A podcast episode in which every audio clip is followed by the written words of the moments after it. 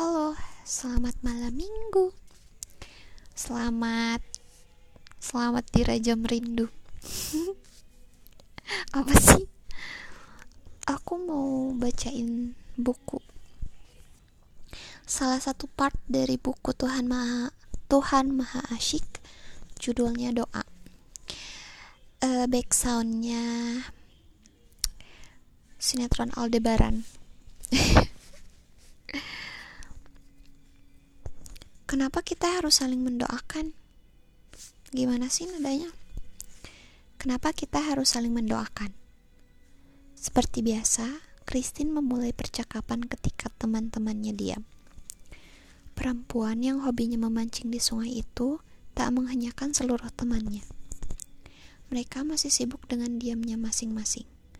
Tapi setidaknya Dharma dan Kapitayan terpancing karena hubungan manusia tak mungkin bisa diselesaikan dengan saling membayar duit. Dharma lirih menjawab. Wah, berat. Betul, Kapitayan si penggemar layang-layang itu menyahut. Lanjutnya, kalau kita membayar sopir taksi, bayaran itu sebenarnya cuma untuk mengganti waktu, pikiran, dan tenaganya. Ketulusannya tak akan terbayar. Siapa bilang sopir taksi itu tulus? Bu Hori ikut terpancing. Betul, bagi dia kan yang penting kerja, nyari uang. Dia tidak tulus padaku. Apakah setelah aku naik taksinya nanti aku dapat jodoh atau tidak? Dia nggak punya urusan. Parwati bersuara. Rambutnya yang lurus panjang ia sibak hingga mengenai dahi Samin. Tapi Mungkin tukang taksi itu tulus bekerja buat anak istrinya, ujar Samin. Matanya berkerijip terkena kibasan rambut Parwati. Belum tentu dia tulus, tukas Buhori. Bisa saja anak istrinya sudah mencari nafkah sendiri. Tukang taksi tadi cuma mencari rezeki buat dirinya sendiri. Pangestu membela Samin. Berarti sopir taksi itu masih tulus, tulus pada dirinya sendiri. Tidak bisa, ketulusan orang lain pada dirinya sendiri tidak usah kita bayar. Buat apa? Kata Bu Hori. Ah, ngobrol soal tulus tak akan pernah ada selesainya. Pokoknya aku yakin tukang taksi itu tulus. Dharma terus mengajak teman-temannya mengejar layang-layang. Sebentar Dharma, kok kamu bisa yakin tukang taksi itu tulus? Kalau dia tidak tulus, pasti sudah bunuh diri. Dia tulus, maka dia tetap memutuskan untuk melanjutkan hidupnya. Bu Hori tersenyum. Dharma mengatakan hal yang sebetulnya juga, juga ingin dikatakannya. Tadi ia hanya berpura-pura ngeyel agar terjadi perdebatan sebelum per perburuan layang-layang. Jujur kepada orang lain lebih gampang daripada jujur kepada diri sendiri jujur kepada diri sendiri tidak hanya sekadar berlaku sebagaimana yang dis berlaku sebagaimana yang dikesankan. Tapi lebih dari itu seluruh kegiatan dan aktivitas hanya kemurnian semata. Oleh karena itu seseorang di, seseorang dikatakan mencapai tingkat ketulusan tingkat ketulusan yang tinggi tatkala ia jujur pada dirinya sendiri jika kita mengenali peran diri, maka akan merestui pilihan-pilihan hidup kita. Mungkin kita bersungguh-sungguh memainkan peran hidup yang kita pilih karena memenuhi hasrat dan keinginan kita. Tapi sungguh mengecewakan jika kemudian pilihan hidup tidak memenuhi hasrat dan tidak sesuai dengan keinginan. Nah, apakah sesungguhnya peran yang menentukan pilihan atau pilihan yang menentukan peran? Jika peran yang menentukan pilihan, maka takdir menentukan nasib. Jika pilihan yang menentukan peran, maka nasib menentukan takdir. Seseorang mendapatkan pilihan hidupnya sesuai dengan hasrat dan keinginannya. Ia menjalani hidup dengan penuh senang dan restu. Namun, di tengah perjalanan, terjadi guncangan yang tiba-tiba mengubah hidupnya secara drastis ia kemudian mulai ragu. Apakah pilihannya sudah tepat? Apakah perannya sudah sesuai dengan takdirnya? Semakin lama, jalan hidup tidak menemukan stabilitas. Ketetapan pilihannya semakin meragukan.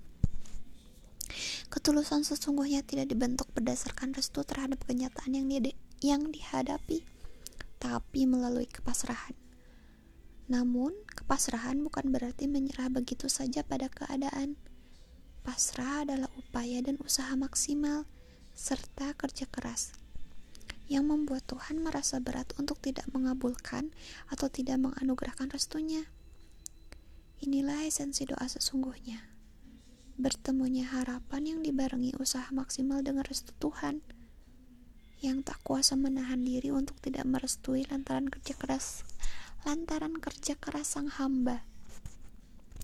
Doa bukanlah daftar keinginan yang dipanjatkan ke hadapan Tuhan setiap saat. Doa yang hanya berupa daftar permintaan tidak akan pernah efektif. Upaya maksimal dan kerja keras yang memperoleh restu dan ijabah Tuhan, itulah doa yang secara representatif terekspresikan dalam susunan kalimat seperti berikut ini. Tuhan, aku sadar aku penuh dosa dan kekurangan. Tapi jika bukan kepadamu, ke mana lagi aku mengadu? Persis seperti makna yang hendak ditanamkan Tuhan dari drama kehidupan Nabi Musa. Mulai dari kelahirannya di tengah kebijakan penguasa Fir'aun membunuh semua bayi yang lahir dari bangsa Ibrani karena khawatir akan ada generasi yang mengancam kekuasaannya. Tuhan mendidik Musa melalui flashback atas awal hidupnya yang sungguh malang. Ini sungguhnya G-nya ada tiga. Sungguh. Saat baru saja lahir dihanyutkan menggunakan peti ke sungai Nil sebagai upaya sang ibunda menyelamatkan bayinya. Tiba-tiba peti tidak menenggelam tidak menenggelamkan Musa ke dasar sungai tapi terbawa arus kemudian kandas di depan istana Firaun demikianlah Selanjutnya, Musa dikisahkan tumbuh dewasa dalam suasana diskriminatif di istana untuk menanamkan semacam dendam kepada Firaun hingga kemudian perjuangan dan kemenangannya serta pertemuannya dengan Tuhan di Bukit Sinai.